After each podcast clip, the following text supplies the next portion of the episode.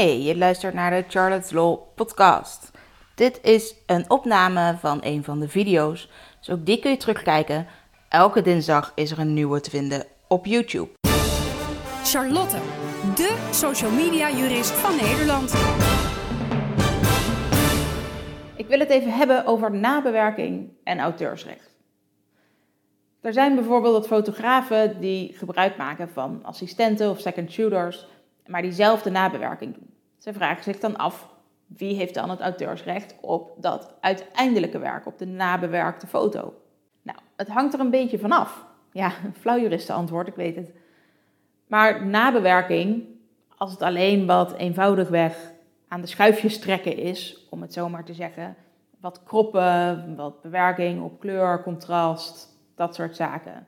Niet iets heel bijzonders. Hè? De foto wordt er misschien wel echt heel veel beter van, maar eigenlijk is het niet heel veel bijzonders.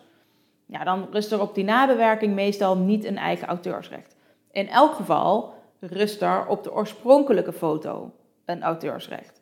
Die nabewerking, dat is dan misschien wel een inbreuk op dat auteursrecht. Dus zelfs al zou je een eigen auteursrecht krijgen op die nabewerking, dan maak je tegelijkertijd eigenlijk inbreuk op het oorspronkelijke werk. Dat betekent dus dat je niet zomaar kunt zeggen: ik heb het nabewerkt, dus ik heb een eigen auteursrecht, dus ik mag er alles mee doen wat ik wil.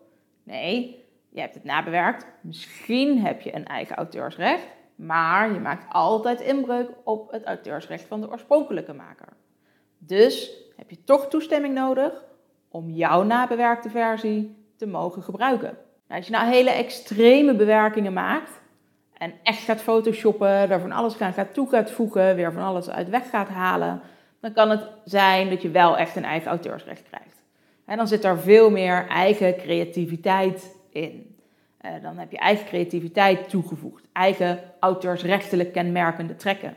Alleen als het oorspronkelijke werk nog steeds te herkennen is, dus de oorspronkelijke auteursrechtelijk kenmerkende trekken nog steeds te zien zijn, nog steeds te herleiden zijn in die foto, dan blijft er ook nog steeds een eigen auteursrecht rusten op die oorspronkelijke foto, maar is het veel duidelijker dat jij ook een eigen auteursrecht hebt op die nabewerking.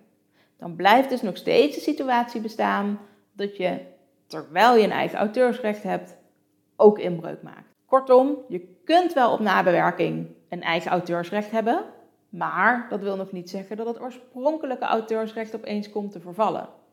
Je zult dus altijd afspraken moeten maken over wat jij dan mag doen met een nabewerkte foto. En mocht je dan meer vragen hebben over fotografie en auteursrecht, over nabewerkingen, hoe je om moet gaan met licenties bijvoorbeeld, of hoe je afspraken maakt met een second shooter, neem dan gerust contact met ons op. Daar helpen we je graag bij.